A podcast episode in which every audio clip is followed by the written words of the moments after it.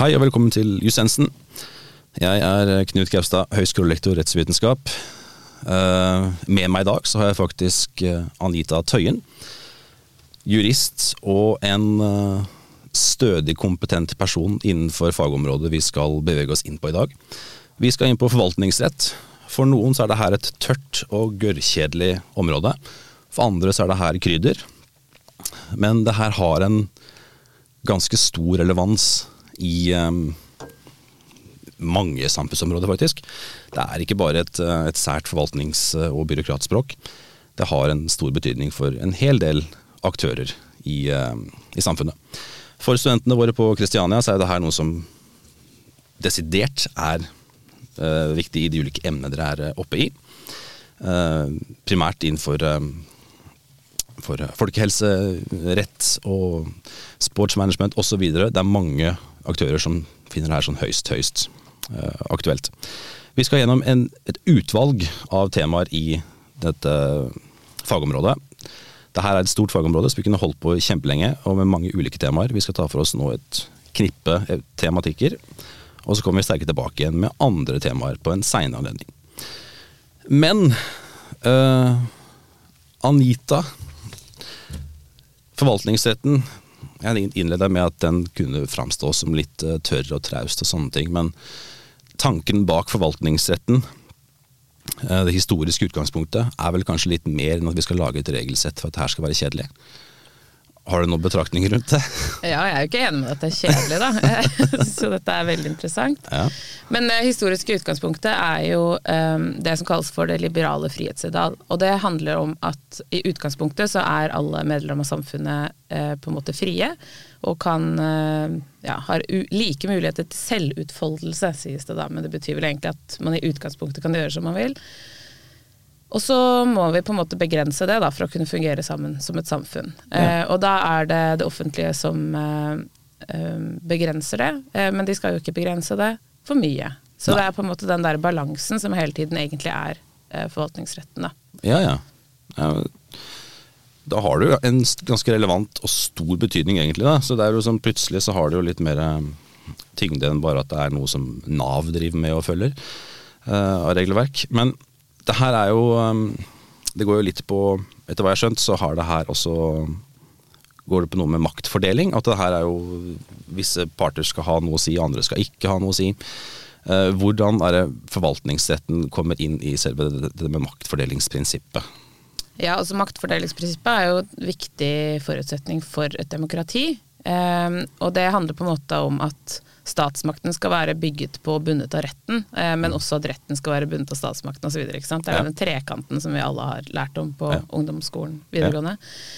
Ja. Um, og, og, det er jo veldig viktig på en måte bakenforliggende prinsipp også for forvaltningsretten, for det handler om at uh, forvaltningen, eller altså de som bestemmer over oss, for å si det sånn, mm.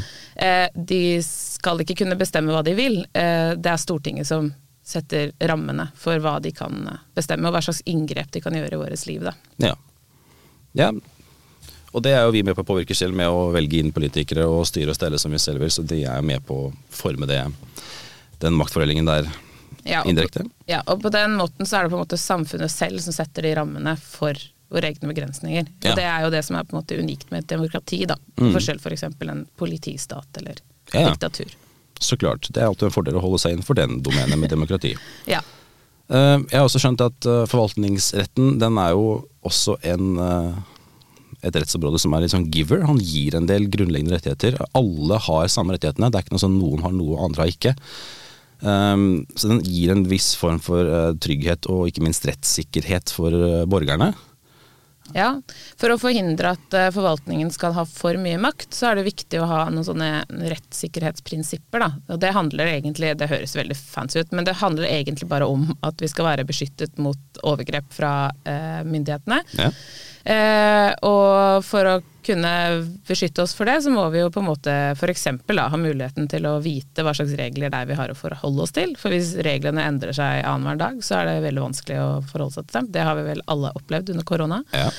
Eh, og så handler det om at vi skal ha mulighet til å forsvare våre rettslige interesser. Altså at vi skal kunne f.eks. uttale oss i saker, at vi skal kunne få beskjed om hva som skjer eh, osv. At vi skal kunne søke om ting og trekke søknader og alle de tingene der.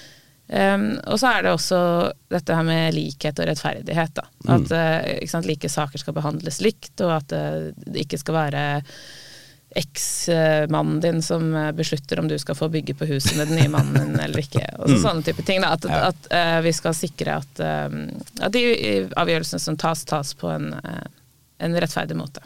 Ja, så klart. Da unngår vi fort en sånn bananrepublikk-type situasjon her. Ja, nettopp. Ja. Ja, det, mm. Så allerede her, nå er vi jo godt på vei til å bevise at forvaltningsrett har jo faktisk en kjempeviktig betydning, og er ganske spennende i utgangspunktet.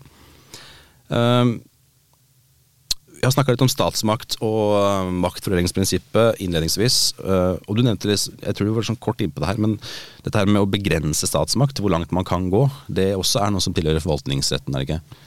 Ja, absolutt. Eh, det er jo et av de viktigste prinsippene i forvaltningsretten, altså legalitetsprinsippet. Det kommer vi sikkert inn på i en, en, annen, en egen episode om det. Ja. Men det handler på en måte om at uh, både at offentlige forvaltningsorganer da ikke kan uh, gjøre ting som griper inn i rettighetene våre uten å ha hjemmel i lov. Altså at de ja, ikke kan bare finne på hva som passer.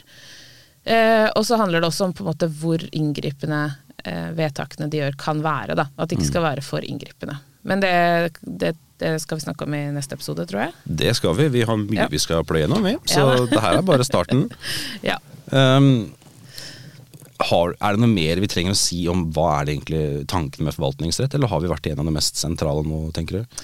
Vi kan jo si noen sånne eksempler på hva forvaltningen er, da. Fordi at um, forvaltningen er sånn Vi kan snakke om myndigheter og sånn, men det er ikke sånn nødvendigvis helt sånn åpenbart hva det egentlig betyr. Nei. Og jeg husker at før jeg begynte å studere juss, så syntes jeg det der eh, ordet forvaltning, hva, hva all verden betyr det? Det er jo ikke et ord man liksom forholder seg til i hverdagene. Nei, nei. Så blir man litt skada som jurist og tror at det er et helt vanlig ord. Mm. Eh, men eh, det handler egentlig om Altså det er egentlig absolutt alt. Altså helt fra Stortinget eh, til eh, Nav til eh, mm. universiteter og høyskoler, ja. og faktisk også eh, private høyskoler, sånn som Kristiania og BI, der hvor jeg jobber. Ja.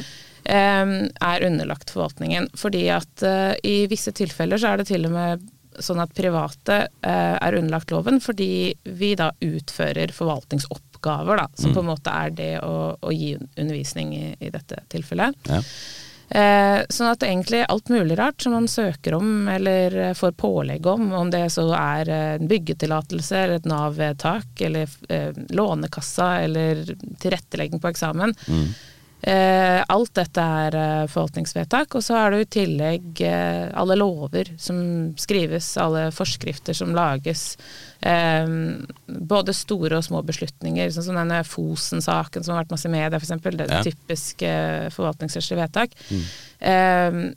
Masse Egentlig alt som på en måte påvirker oss i hverdagen, som, der hvor staten har myndighet over oss, da, er innenfor dette rettsområdet. Og Derfor så vil jeg jo argumentere for at det kanskje er et av de mest sentrale rettsområdene eh, vi skal forholde oss til, og, og, kanskje det som påvirker oss eh, mest, i hvert fall i hverdagen. da. Ja, helt klart. Jeg håper jo at uh, vi har klart å vinkle til de som var på den siden som så på forvaltningsrett som litt kjedelig og tørt, at, man har klart å, at vi har flippa der over til den siden som syns det her er faktisk spennende. Uh, det har jo vært ganske store linjer vi har snakka om nå, så det her er jo litt mer enn bare saksbehandling og hva skal et vedtak inneholde. Tanken bak dette her er ganske stort og ambisiøst. Så forhåpentligvis så har lytterne her klart å forstå at dette her er et høyst sentralt rettsområde. Kjempespennende, har en stor betydning for deg for, som borger for å sikre helt grunnleggende rettigheter du nå tar for gitt, antar jeg. Men uh, da kan vi egentlig bare runde an episoden, kan vi ikke det? Ja, vi kan gå videre på legalitetsprinsippet i neste episode. Det gjør vi, og da takker vi for oss nå, vi. Så høres vi i neste, neste episode. Hei, hei.